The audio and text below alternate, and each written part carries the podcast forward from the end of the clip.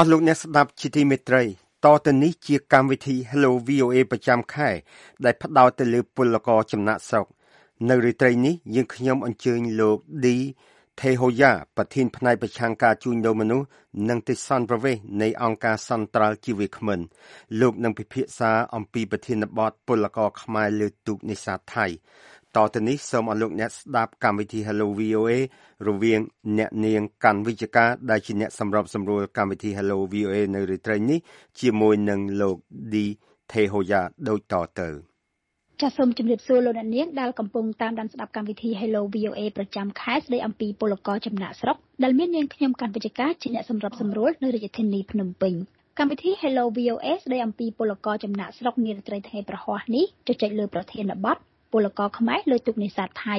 វាគ្មិនរបស់យើងនារាត្រីនេះគឺលោកនីថេហូយ៉ាប្រធានផ្នែកប្រឆាំងការជួញដូរមនុស្សនិងទេសន្តប្រវេសនៃអង្គការសង្ត្រាល់ចាសសូមជម្រាបសួរលោកនីថេហូយ៉ាបាទសូមជម្រាបសួរបាទចាសអរគុណសម្រាប់ការអញ្ជើញចូលរួមកិច្ចពិភាក្សាក្នុងកម្មវិធី Hello VOA ស្ដីអំពីពលករចំណាក់ស្រុកចលនានាងជាទីមេត្រីពលករកម្ពុជាយ៉ាងហោចណាស់2លាននាក់បាននឹងកំពុងធ្វើចំណាក់ស្រុកទៅក្រៅប្រទេសដើម្បីស្វែងរកការងារធ្វើ ប្រទេសថៃដែលជាប្រទេសជិតខាងកម្ពុជា មានពលករធ្វើចំណាក់ស្រុកពីកម្ពុជាច្រើនជាងគេពលករខ្មែរមួយចំនួនក៏បានចាញ់បោកមេខ្យល់ហើយក្លាយជាទេសកលលើទូកនេសាទរាប់ឆ្នាំដោយមិនស្គាល់ដីគោកជាដើមក៏មានលោកឌីថេហូយ៉ានឹងបកស្រាយអំពីស្ថានភាពពលករចំណាក់ស្រុកកម្ពុជាដែលធ្វើការលើទូកនេសាទក្នុងប្រទេសថៃចាសសូមអញ្ជើញលោកឌីថេហូយ៉ាចា៎ បាទសូមអរគុណច្រើនចំពោះកម្មវិធីដែលរៀបចំឡើងដោយ VOA ហើយក៏សូមគោរពជំរាបសួរដល់ប្រិយមិត្តដែលតែងតែតាមដានស្ដាប់កម្មវិធីនេះជាទីគោរពរាប់អានបាទបាទជាទូទៅខ្ញុំសូមបើកសារបាននៃការធ្វើចំណាក់ស្រុកតាមរយៈពលករខ្មែរយើងទៅចោះទុកនៅប្រទេសថៃឲ្យបានជ្រាបថាកន្លងទៅជាច្រើនឆ្នាំតាំងពីឆ្នាំ2010 អីហ្នឹងខ្មែរយើងចាប់ដើមមានការធ្វើចំណាក់ស្រុកច្រើនទៅ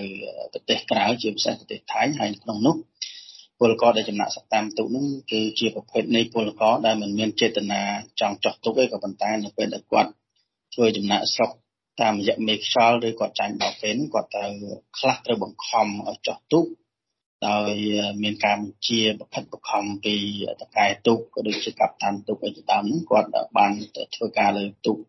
នឹងហូរហែកន្លងមករហូតដល់ឆ្នាំ2015យើងឃើញថាមាន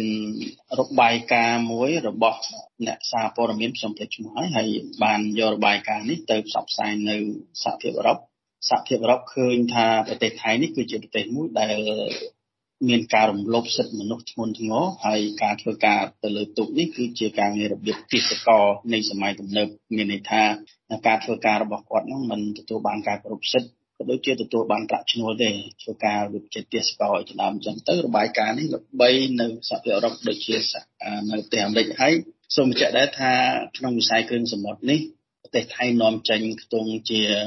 5000លានដល់6000លានដុល្លារក្នុងមួយឆ្នាំទៅសហភាពអឺរ៉ុបហើយនិងសហរដ្ឋអាមេរិកហើយអញ្ចឹងនៅពេលដែលគេរកឃើញថាការប្រើប្រាស់កម្លាំងពលកម្មជាជនជាតិខ្មែរក្តីភូមាក្តីឡាវក្តីនៅទូកនេសាទរបស់ថៃនេះគឺនៅពេលនោះ សហភាពអឺរ៉ុបបានឲ្យកាត់លឿនដល់ប្រទេសថៃពុំមានថានឹងឈប់ទទួលការនាំចូលគ្រឿងសមុទ្រហើយពេលនោះគឺចាប់ដើមល្បីខ្លាំងក្នុងវិស័យនេសាទនេះថាជាវិស័យមួយដែលគ្រោះថ្នាក់ហើយជាវិស័យមួយដែល រំលោភបំពានអឺធ្ងន់ធ្ងរជាងគេក្នុងវិស័យការងារបើប្រៀបធៀបនឹងវិស័យការងារផ្សេងផ្សេងបាទនេះគឺជាសារបាននៃកិច្ចការងារដែលយើងធ្វើកន្លងមកពាក់ព័ន្ធនឹងពលករទូកនេសាទរបស់ប្រទេសកម្ពុជាពលរដ្ឋកម្ពុជាដែលធ្វើការនៅវិស័យទូកនេសាទនៅប្រទេសថៃហ្នឹងហើយសូមបញ្ជាក់ដែរថានៅប្រទេសថៃនេះគឺកាលពីមុនឆ្នាំ2017សន្ទុះ2019ថៃមិនទាន់មានច្បាប់ នេសាទគ្រប់គ្រងពលករធ្វើតាមទុកនេសាទនៅឡើយទេគេប្រើច្បាប់តាមឆ្នាំ1979គឺជាច្បាប់មួយដែល ចាស់កម្រិលហើយមិនធានានៅការគោរពសិទ្ធិមនុស្សក៏គោរពសិទ្ធិការងារ ជាច្បាប់មួយដែលប្រើប្រាស់លក្ខណៈជាទេសកលបែបបុរាណអញ្ចឹងហើយក្រោយពីទទួលបានការលើកនេះថៃក៏មានការកែសម្រួលមួយចំនួនហើយធ្វើវិសោធនកម្មច្បាប់នេះឆ្នាំ2019ណាអានឹងគឺជាសារបាននៃការធ្វើចំណាក់ស្រុករបស់ពលរដ្ឋខ្មែរយើងក្នុងវិស័យទូកនេសាទនៅប្រទេសថៃបាទចាអរគុណលោកឌីថេហូយ៉ា ពាក់ព័ន្ធជាមួយនឹងពលករដែលកំពុងធ្វើការលើទូកនេសាទក្នុងប្រទេសថៃវិញលោកមានជ្រាបទេថាតើពលករដែលចេញពីកម្ពុជាដែលកំពុងធ្វើការនៅលើទូកនេសាទប្រទេសថៃក្នុងពេលបច្ចុប្បន្នមានចំនួនប៉ុន្មានអ្នកដែរចា៎តាមរយៈការប៉ាន់ប្រមាណរបស់អង្គការសង្គ្រោះយើងឃើញថាมันក្រោមពី50000នាក់ទេ50000នាក់ហ្នឹងគឺសំដៅទៅលើពលករដែលធ្វើការនៅក្នុងដែនដីថៃដែនសមុទ្រថៃខ្លះនិងដែនសមុទ្រឥណ្ឌូនេស៊ីខ្លះហើយរហូតទៅដល់ មានការធ្វើនេសាទលើទូកថៃរហូតដល់អាហ្វ្រិកនោះប្រទេសអាហ្វ្រិកនោះអញ្ចឹងមានន័យថារដ្ឋខ្មែរមិនក្រោមពី50000នាក់ដែលធ្វើការក្នុងវិស័យនេសាទនឹងហើយក្នុងវិស័យនេសាទនេះខ្ញុំបញ្ជាក់ថាប្រទេសថៃគឺជាប្រទេសមួយដែលលំដាប់ទី3នៃអ្នកជំនាញនេសាទក្នុងពិភពលោកអញ្ចឹងហើយបានជាមានទាំងពលរដ្ឋខ្មែរពលរដ្ឋឡាវហើយនិងភូមិធ្វើការលើវិស័យនេះខ្ញុំគិតថាតួលេខនេះជាតួលេខទៀបផងដែលខ្ញុំវិតម្លៃបាទ ចាពាក់ព័ន្ធជាមួយនឹងការធ្វើជាពលករលើទុកនេសាទដោយលោកហូយ៉ាបានលើកឡើងមកអញ្ចឹងគឺមិនមែនមានតែប្រទេសថៃទេគ្រាន់តែថានៅក្នុងប្រទេសថៃហ្នឹងគឺមានច្រើនជាងគេលោកអាចបញ្ជាក់បន្ថែមបានទេថាពាក់ព័ន្ធទៅនឹងការចូលទៅធ្វើជាពលករលើទុកនេសាទតើមែនតើនៅពេលដែលប្រជាពលរដ្ឋយើងឬក៏ពលករខ្មែរយើងត្រូវបានគេយកទៅប្រទេសថៃហើយខ្លាចទៅជាអ្នកដែលគាត់ធ្វើការនៅលើទុកនេសាទហ្នឹងតើពួកគាត់ទៅក្រោមរូបភាពណាខ្លះដែរចា៎ ពាក់ព័ន្ធនឹងការធ្វើការងារទូកនេសាទហ្នឹងសូមបញ្ជាក់ថាប្រភេទទូកនេសាទមានពីរប្រភេទគេហៅប្រភេទទូកនេសាទអាជីវកម្មធម្មតានិងអាជីវកម្មខ្នាតធំអាជីវកម្មខ្នាតធំនេះគឺជាប្រភេទទូកនេសាទដែលចុះទៅជ្រៅទៅឆ្ងាយប្រសាទដែលរហូតដល់ឥណ្ឌូនេស៊ីម៉ាឡេស៊ីហើយនិងទ្វីបអាហ្វ្រិកជាដើមនោះគឺថាពួកគាត់ធ្វើការក្នុងរូបភាពជាទេសកលដាច់ថ្លៃតែម្ដងតាមរយៈការធ្វើការ អង្គការសង្តាកន្លងមកយើងរកឃើញថាពលករដែលធ្វើការនៅតាមទូកនេសាទហ្នឹងគាត់ធ្វើការក្នុងមួយថ្ងៃមិនក្រោមពី19ម៉ោងដល់24ម៉ោងទេចំណុចទាំងអស់នេះយើងក៏បានចោទសួរគាត់ដែរថាតើគាត់អាចធ្វើការងារបានរហូតដល់19ម៉ោងដល់21ម៉ោងដោយរបៀបណាគេថាជាទូទៅគេឲ្យប្រើប្រាស់គ្រឿងញៀនក្នុងការជំរុញឲ្យគាត់ធ្វើការជាប្រចាំថ្ងៃហើយ ប្រសិនបើមិនធ្វើការទេគេនឹងវាយទម្លាក់ទឹកហ្នឹងហេតុផលទី1គាត់ត្រូវតែបង្ខំធ្វើការនៅលើទូកនោះទោះបីជាបង្ខំ19ម៉ោងដល់24ម៉ោងក៏ដោយហើយពលករដដែលដែលមានការសង្គ្រោះកន្លងមកក្នុងឆ្នាំ2015ជិត300នាក់នោះក៏គាត់បញ្ជាក់ដែរថាអឺប្រសិនបើមានអ្នកណាឈឺគឺគេឲ្យទៅថ្នាំប៉ារ៉ាហើយបើសិនជាស្លាប់គេឲ្យតម្លាក់ឲ្យត្រីស៊ីអីដើមអញ្ចឹងហើយគ្មានអ្នកណាអាច តវ៉ាអីជាមួយកាប់តាន់ទូកឬប្រធានទូកនឹងទេហើយការរស់នៅបែបនេះគឺរស់នៅរបៀបជាទេសកលដាច់ថ្លៃនាសម័យទំនើបនឹងតែម្ដងគឺគាត់គ្មានសិទ្ធិសេរីភាពហើយគាត់មិនទទួលបានប្រាក់ឈ្នួលទេប្រាក់ឈ្នួលហ្នឹងគ្រាន់តែជាតួលេខដែលគេបញ្ជាក់ថាមួយខែបានប៉ុណ្ណេះបានប៉ុណ្ណោះប៉ុន្តែធៀបពិតអ្នកខ្លះធ្វើការ15ឆ្នាំដល់20ឆ្នាំគាត់មិនដែលបានលុយមួយរៀលហើយក៏មិនដែលសូវបានឡើងគោកដែរ6ខែជួនកាលបានឡើងម្ដង មួយថ្ងៃពីរថ្ងៃអីជាដើមចឹងទៅនេះគឺជារូបភាពនៃការរំលោភបំពានធ្ងន់ធ្ងរពាក់ព័ន្ធនឹងការធ្វើការនៅទុកនេសាទហើយគាត់ថាជាទូទៅនៅលើទុកនេសាទនេះហាក់ដូចជាការរស់នៅរបៀបជាហ្វូងសัตว์អីជាដើមចឹងអ្នកណាមានអំណាចជាងហ្នឹងគឺថាមានភាពលើគេធ្វើបាបគេចឹងទៅអ្នកណាខ្សោយចឹងទៅត្រូវគេឲ្យធាក់តម្លាក់ទឹកឲ្យត្រីស៊ីអីជាដើមចឹងទៅអញ្ចឹងដោយរួមគឺវិស័យទុកនេសាទនេះគឺជាវិស័យការងារដ៏គ្រោះថ្នាក់បំផុត បើប្រៀបធៀបនឹងវិស័យផ្សេងផ្សេងបាទចាអរគុណលោកឌីថេហូយ៉ាមុននេះលោកមានប្រសាសន៍ដែរថាកម្មករដែលគាត់ធ្វើការងារពាក់ព័ន្ធជាមួយនឹងការនេសាទនៅតាមប្រទេសមួយចំនួនដូចជាថៃឬក៏អាហ្វ្រិកអីជាដើមហើយជាពិសេសគឺប្រទេសថៃអីហ្នឹងគឺមានប្រមាណជា50000នាក់នេះខ្ញុំចង់នឹងបន្ថែមថាតើ កម្មករនៅលើទូកនេសាទឬក៏គាត់ធ្វើការងារពាក់ព័ន្ធជាមួយនឹងការនេសាទហ្នឹងទាំងជាងឬក៏ទាំងប្រមាណជា50000នាក់ដូចលោកបានលើកឡើងហ្នឹងពួកគាត់សិតតែស្ថិតនៅក្នុងស្ថានភាពដូចគ្នាទាំងអស់ឬមួយក៏ពាក្យថាទេសកលដែលលោកបានលើកឡើងមុននេះហ្នឹងមានត្រឹមតែមួយចំនួនទេអឺទូកនេសាទមានពីរប្រភេទដូចខ្ញុំបានបញ្ជាក់អញ្ចឹងទូកនេសាទអាជីវកម្មខ្នាតតូចធម្មតាគឺចោះទៅមិនលើសពីមួយអាទិត្យទេមួយសប្តាហ៍ទេគាត់ឡើងគោកវិញអញ្ចឹង ពលករទុកនេសាទបែបនេះมันរងគ្រោះធ្ងន់ធ្ងរដូចជាប្រភេទគេហៅថាឧស្សាហកម្មនេសាទទេ industrial fishing ហ្នឹងគឺជាប្រភេទទុកនេសាទធំប៉ាល់ធំធំតែម្ដងហើយចុះទៅហ្នឹងកាលពីដើមឡើយហ្នឹងគឺมันកំណត់ខែទេព្រោះច្បាប់ នៃទូកនេសាទរបស់ថៃកាលពីច្បាប់បុរាណហ្នឹងគេអត់កំណត់ខែទេចង់ទៅប្រហែលខែក៏ទៅទៅបើអញ្ចឹងហើយបានជាឱកាសនៃការ ធ្វើការងារលើទូកឧស្សាហកម្មនេសាទខ្នាតធំចុះទៅក្នុងសមុទ្រជ្រៅជ្រៅរហូតដល់សានដែនឥណ្ឌូនេស៊ីម៉ាឡេស៊ីហើយនិងភាគអាហ្វ្រិកនេះគឺជាប្រភេទដែលធ្វើការងារគ្រោះថ្នាក់ធ្ងន់ធ្ងរបើប្រៀបធៀបនឹងប្រភេទទូកនេសាទគណៈអាជីវកម្មធម្មតាដែលចុះទៅមួយថ្ងៃពីរថ្ងៃឬមួយសប្តាហ៍អញ្ចឹងវារូបភាពពីរនឹងខុសគ្នាបាទ ចា៎នេះខ្ញុំក៏បានឃើញរបាយការណ៍ជាច្រើនគាត់ចេញផ្សាយនៅពេលកន្លងមកដូចលោកបានលើកឡើងដែរហើយឃើញក្នុងនោះគឺមានខាងទូរទស្សន៍អន្តរជាតិ CNN ហើយសារព័ត៌មានអន្តរជាតិ The Guardian អីជាដើមគឺបានផ្សព្វផ្សាយច្រើនពាក់ព័ន្ធជាមួយនឹងស្ថានភាពភាពជាទេសកលនៅលើទូកនេសាទក្នុងប្រទេសថៃរហូតដល់ឈានទៅដល់ការដែលហាមមិនឲ្យមានការនាំចូលនៅគ្រឿងសមុទ្រពីប្រទេសថៃអីទៅជាដើមពាក់ព័ន្ធជាមួយនឹងស្ថានភាពទាំងអស់នេះលោកអាចបញ្ជាក់បន្ថែមបានទេថាតើនៅពេលដែលស្ថានភាពកម្មករឬក៏គេថាពលករដែលគាត់ធ្វើការលើទូកនេសាទហើយបន្ទាប់មកគឺត្រូវបានគេប្រើប្រាស់ឲ្យដូចជាទេសកលបែបនេះតើមែនតែនទៅវាពាក់ព័ន្ធបែបណាខ្លះជាមួយនឹងគេហៅថាចំនួនឬមួយក៏ការរកស៊ីដោយការនេសាទគ្រឿងសមុទ្រហើយវាពាក់ព័ន្ធជាមួយនឹង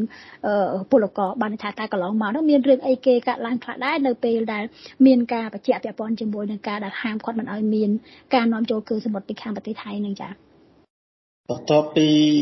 សហភាពអឺរ៉ុបនិងសហរដ្ឋអាមេរិកបានផ្ដល់ការលើងព្រមានដល់ប្រទេសថៃនោះយើងឃើញថាមានការប្រែប្រួលនៅគោលនយោបាយនិងច្បាប់មួយចំនួនរបស់ប្រទេសថៃដូចខ្ញុំបានបញ្ជាក់ខាងដើមអញ្ចឹងនៅពេលដែលមានវិសោធនកម្មច្បាប់គឺខ្ញុំដូចជាចាំពីចំណុចដែលច្បាប់ស្តីពីនេសាទថៃហ្នឹងគឺទី1កំណត់ឲ្យមានការចោះទុកមិនលើសពី30ថ្ងៃត្រូវតែត្រឡប់មកកុកវិញហ្នឹងណាចា៎ តែច្បាប់ពីដើមអត់បានកំណត់រយៈពេលនៃការចោះទុកទេទី1ទី2មុននឹងចោះទុកគេត្រូវមានបង្កើតគណៈកម្មការមួយគេហៅពីពោហ្នឹងគឺខ្ញុំមិនចាំពាក្យពេញទេគឺគណៈកម្មការដែលត្រួតពិនិត្យចំពោះអឺកិច្ចការងារនឹងទូកនេសាទដែលគេត្រូវចុះបញ្ជីច្បាស់លាស់ហើយចេញទៅគេកត់ថ្ងៃខែដើម្បីដឹងថាតើវាមានការគោរព ទៅតាមច្បាប់ការងារក្នុងរយៈពេល30ថ្ងៃត្រឡប់មកវិញដែរអត់អញ្ចឹងយើងឃើញថាមានគោលនយោបាយនៅច្បាប់មួយចំនួនដែលការពារពោះការធ្វើការក្នុងវិស័យទូនេសាទក៏ប៉ុន្តែអឺនោះវាគ្រាន់តែជាលិខិតបទដ្ឋានផ្លូវច្បាប់អីទេក៏ប៉ុន្តែយើងមើលឃើញភាពជាក់ស្ដែងនៃការអនុវត្តកន្លងមកបញ្ហាប្រឈមនេះគឺมันជាខុសពីមុនទេគឺនៅតែបញ្ហាប្រឈមដែរដោយរួមក្នុងវិស័យទូនេសាទនេះគ្មាន រដ្ឋណាអាចធានាបានសុវត្ថិភាពស្ដីថ្លៃថ្នូររបស់ពលករធ្វើការក្នុងវិស័យហ្នឹងទេហើយពលរដ្ឋខ្មែរយើងក៏នៅតែចាញ់បោកគេជាហោហែទៅធ្វើការក្នុងវិស័យទូរស័ព្ទអញ្ចឹងដែរក៏ដូចជាថ្មីថ្មីនេះអង្គការសង្តានក៏បានទទួលដូចជាពីរករណីហើយករណីមានពលរដ្ឋខ្មែរយើងរហូតដល់32នាក់30នាក់ជាងនោះដែលចាញ់បោកមេខ្យល់តាមរយៈទូកវិសាទរបស់ថៃហើយសាន់ដែលទៅដល់ប្រទេសម៉ាឡេស៊ីនឹងយើងឃើញ ថារូបភាពនៃអង្គើជួញដូរមនុស្សដែលធ្វើការក្នុងវិស័យនេសាទហ្នឹងគឺมันជាប្រសើរជាងមុនប្រហែលទេគ្រាន់តែយើងឃើញប្រសើរក្នុងលិខិតបទដ្ឋានមួយចំនួនដែលមានការកែសម្រួលមានការធ្វើវិសោធនកម្មអីជាដើមអញ្ចឹងប៉ុន្តែស្ថានភាពជាក់ស្ដែងនៃការអនុវត្តការងារនៅលើវិស័យទូកនេសាទនេះដូចជាមិនមានអីប្រសើរជាងមុនទេបាទចាអរគុណលោកហូយ៉ាដោយលោកហូយ៉ាបានលើកឡើងមុននេះអញ្ចឹងគឺពាក់ព័ន្ធជាមួយនឹង កម្មករឬក៏ពលករនៅលើទូកនេសាទដែលពួកគាត់ឈឺអីជាដើមហ្នឹងគឺគ្រាន់តែឲ្យប៉ារ៉ាលេបអីជាដើមសម្រាប់អ្នកដែលគាត់អាចថាឈឺធ្ងន់អីចឹងគេបោះចូលសមុទ្រអីជាដើមអញ្ចឹងហើយនេះខ្ញុំក៏បានឃើញរបាយការណ៍របស់ស្ថាប័នព័ត៌មានអន្តរជាតិមួយចំនួន គឺមានការដែលសម្រាប់ពលករនៅលើទូកនេសាទដោយការចងដៃចងជើងរបស់ពួកគាត់នឹងទៅនឹងទូក ចំនួន4ផ្សេងគ្នាហើយចាប់ទាញពួកគាត់អីជាដើមទាំងអស់នោះយើងមើលឃើញថាគឺជាការសម្រាប់មនុស្សដោយភាពខូខើហើយមាននៅគេហៅថាភាពរំលោភសិទ្ធិមនុស្សនឹងខ្លាំងមែនតើណាអញ្ចឹងពាក់ព័ន្ធជាមួយនឹងអ្វីដែលលោកបានលើកឡើងមិញហ្នឹងឃើញថាអាញាធរគាត់អត់សូវបានអន្តរាគមអីច្រើននោះទេលោកមើលឃើញថាតើបើសិនជាក្នុងលក្ខខណ្ឌដែលមានការស្នើសុំឲ្យមានអន្តរាគមយកលោកមើលឃើញថាអាញាធរនៃប្រទេសពាក់ព័ន្ធអីជាដើមហ្នឹងគាត់គាត់ចេញធ្វើអន្តរាគមនឹងយ៉ាងម៉េចដែរឬមួយក៏គិតថា ពួកគាត់អត់អាចធ្វើបានដោយសារតែពិបាកឬមួយក៏គិតថាអត់មានអ្នកប្តឹងតាមពិតបើសិនជាយើងរៀបចំយន្តការការពារយើងអាចធ្វើបានយន្តការទី1គឺពាក់ព័ន្ធនឹងរឿងការពិនិត្យចំពោះការចេញចូលទុកដែលកំណត់ដោយច្បាប់ថា30ថ្ងៃត្រូវតែមកអាហ្នឹងទី1គណៈកម្មការពិនិត្យចេញចូលទុកទី2គឺអាជ្ញាធរនៃប្រទេសទួលក៏ដូចជាអាជ្ញាធរនៅក្នុងតំបន់ដែលពាក់ព័ន្ធ ក្នុងវិស័យការងារតាមសមុទ្រអីនេះដូចជាឥណ្ឌូនេស៊ីម៉ាឡេស៊ីនៅក្នុងតំបន់អាស៊ាននេះគួរតែបង្កើតឲ្យមានគេហៅប៉ូលីសសមុទ្រឬមួយអាជ្ញាធរសមុទ្រដែលតាមក្លំមើលចំពោះការអនុវត្តការងារតាមសមុទ្របានអាចធានាបានទី2វាអាច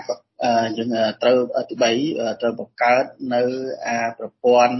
alert ប្រព័ន្ធគេហៅស្អីគេអឺទឿន ឧទាហរណ៍ថានៅក្នុងទូកនេសាទឧស្សាហកម្មមួយដែលមានពលករនេសាទរហូតដល់300នាក់ឬ400នាក់អីជាដើមអញ្ចឹងទៅមានអាប៊ូតុងចុចនៅគណៈពេលណាដែលមានបញ្ហាមានការលំពៀនដើម្បី alert ទៅដល់អាជ្ញាធរដែលធ្វើការក្នុងវិស័យហ្នឹងឲ្យគាត់ដឹងថាទូនេសាទលេខកូដប៉ុណ្ណេះប៉ុណ្ណេះមានបញ្ហាចេះដោយសារតែមានការ alert មកពីអីចឹងបើសិនជាប្រព័ន្ធនេះมันអាច ធ្វើបានទេខ្ញុំគិតថាឬមួយរដ្ឋនៃប្រទេសទទួលហើយនិងប្រទេសបញ្ជូននេះមិនសហការគ្នាបង្កើតនៅអាយន្តការការពារនឹងទេ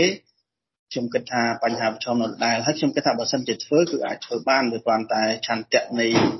ប្រទេសទទួលហ្នឹងគេមិនចង់ធ្វើដោយសារអីដោយសារតែគេចំណេញច្រើនដូចខ្ញុំបានបញ្ជាក់អញ្ចឹងថា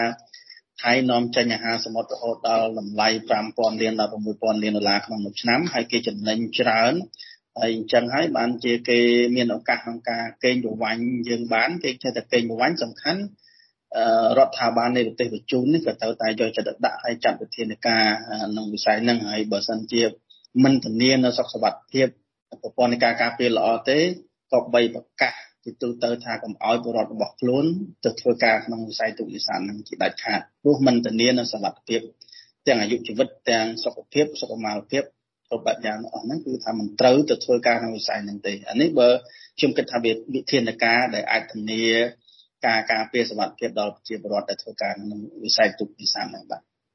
ចា៎ អគុណលោកឌីថេហូយ៉ាកន្លងមកគេឃើញមានអតីតពលករនៅលើទូកនេសាទមួយចំនួនហ្នឹងគាត់បានត្រឡប់មកប្រទេសកំណើតវិញលោកមានជ្រាបទេថារហូតមកដល់ពេលនេះមានចំនួនប្រមាណអ្នកដែរដែលគាត់បានត្រឡប់មកវិញហើយតើការត្រឡប់មកវិញរបស់ពួកគាត់ហ្នឹងគាត់គាត់ត្រឡប់មកដោយរបៀបណាវិញដែរចា៎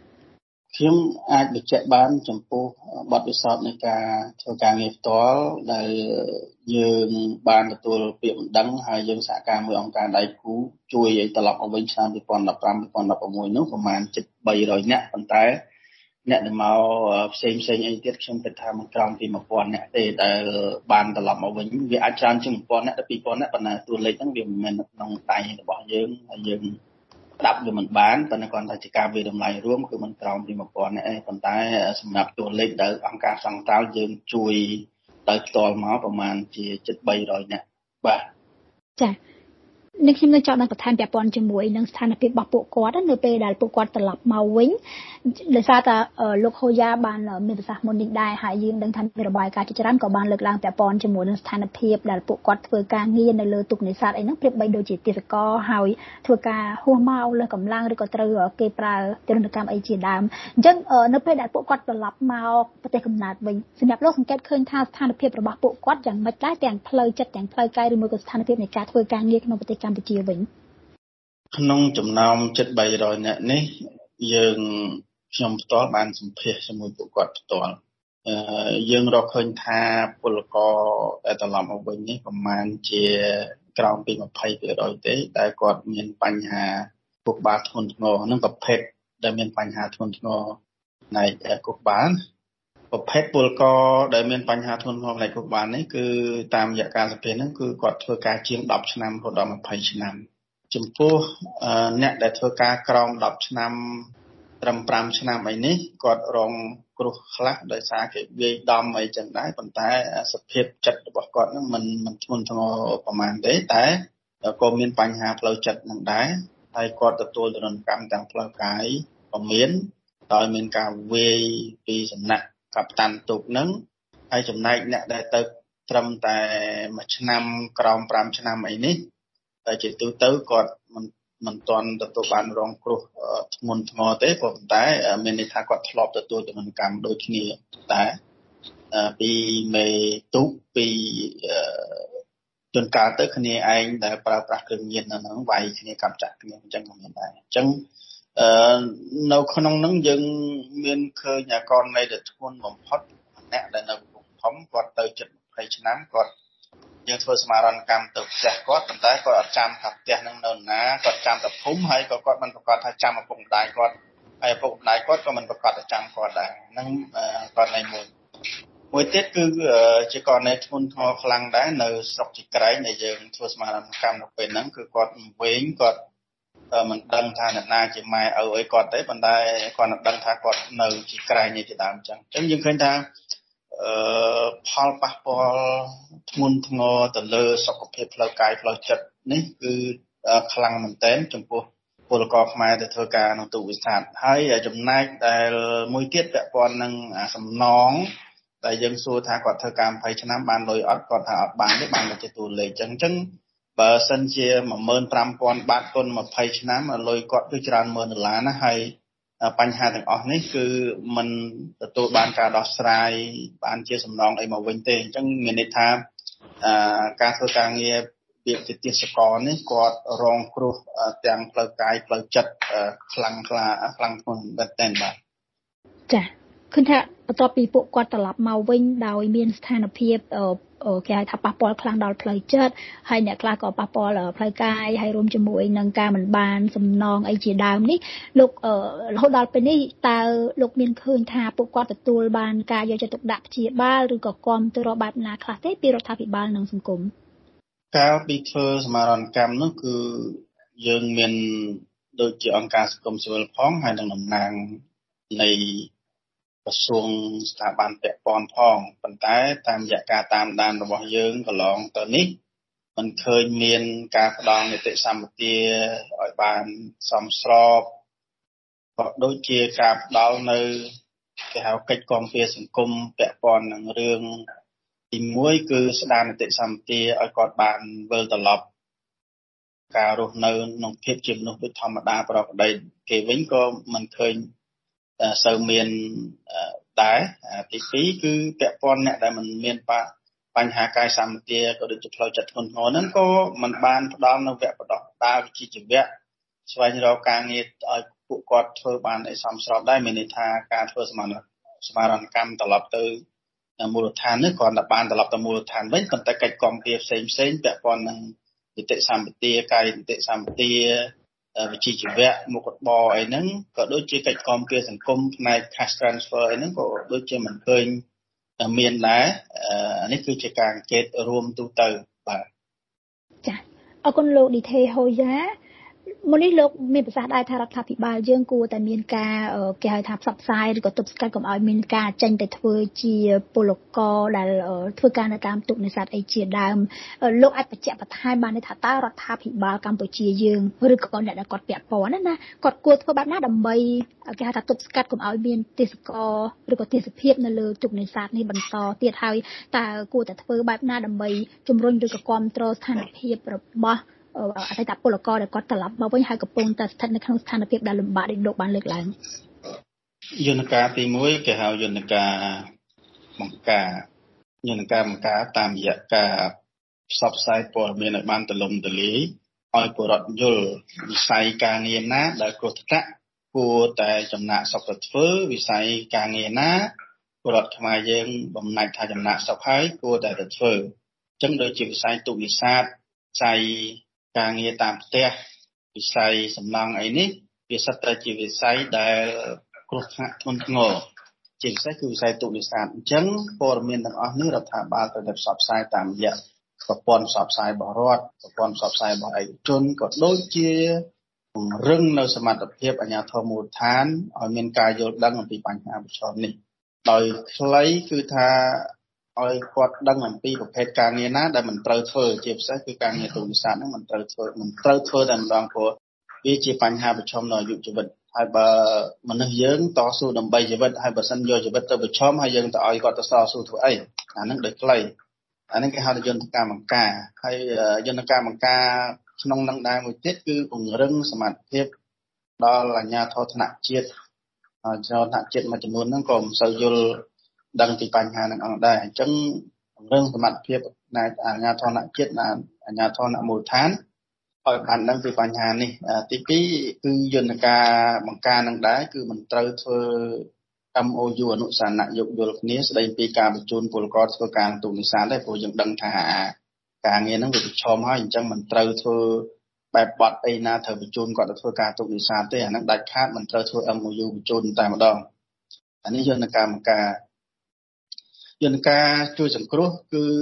យន្តការការកងទាគឺដូចខ្ញុំបានបញ្ជាក់ខាងដើមហ្នឹងគឺថាទី1ត្រូវសហការជាមួយរដ្ឋាភិបាលនៃប្រទេសទទួលត្រូវរៀបចំគណៈកម្មការតាមដាននិងត្រួតពិនិត្យចំពោះការធ្វើការងារតាមទូកដូចជាខ្ញុំបានបញ្ជាក់ថាមុនចេញទូកត្រូវតែចុះបញ្ជីច្បាស់លាស់ថាទូកហ្នឹងចេញថ្ងៃណាហើយត្រូវកំណត់ត្រឡប់មកវិញឲ្យឲ្យបានតាមថ្ងៃកំណត់ហ្នឹងដូចជា30ថ្ងៃតាមរយៈច្បាប់ថៃហ្នឹង ទី1ទី2គឺត្រូវតែបង្កើតអាជ្ញាធរចោះតាមដានជបិតចំពោះការអនុវត្តការងារតាមទូកនេសាទក្នុងសមុទ្រនឹងជាពិសេសគឺរដ្ឋាភិបាលក្នុងប្រទេសអាស៊ានដែលមានដែនដីសមុទ្រធំធំដូចជាឥណ្ឌូនេស៊ីម៉ាឡេស៊ីសិង្ហបុរីអីជាដើមចឹងដើម្បីតាមដានចំពោះការអនុវត្តការងារលើទូកទី3យន្តការកងពីនឹងដែរគឺត្រូវតែបង្កើតនៅប៊ូតុងចុច alert ទឿន ប្រសិនបើមានទូកនេសាទណាមួយដែលមានការលំពៀនធ្ងន់ធ្ងរត្រូវតែផ្ដល់សិទ្ធិសេរីភាពដល់អ្នកធ្វើការក្នុងទូកនេសាទហ្នឹងអាចចុចប៊ូតុង alert ដល់ alert ដល់ដល់អាជ្ញាធរដែលពាក់ព័ន្ធហ្នឹងអាហ្នឹងគេហៅយន្តការការកងពៀននៅពេលដែលគាត់ធ្វើការនៅទូកនេសាទបើសិនបើយើងមិនអាចទប់ស្កាត់100%ថាមិនអោយធ្វើទូកនេសាទទេយើងបង្កើតយន្តការកងពៀនហ្នឹងយន្តការទី3គឺគេហៅថាយន្តការគាំពៀសង្គម គាំពៀសង្គមនឹងសំដៅទាំងរបបសន្តិសុខសង្គមសំដៅទៅលើសន្តិសុខសង្គមសំដៅរបបសន្តិសុខសង្គមមិនម៉េចនៅពេលដែលគាត់ជួយកាត់ឬមួយគាត់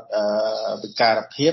ដែលមិនអាចធ្វើការងារបានអត់មានការងារធ្វើរដ្ឋហ្នឹងត្រូវតែត្រៀមនៅគេហៅអា cash transfer ហ្នឹងគឺត្រូវតែ support ត្រូវតែគាំពៀគាត់ ទី2គឺនៅពេលដែលគាត់បញ្ចប់កិច្ចសន្យាការងារទៅធ្វើការលើទូកនេសាទហើយរដ្ឋាភិបាលកម្ពុជាត្រូវតែបង្កើននៅមុខរបរណាមួយដែលគាត់អាចចិញ្ចឹមជីវភាពបាននៅពេលដែលគាត់ត្រឡប់មកខ្មែរវិញហើយ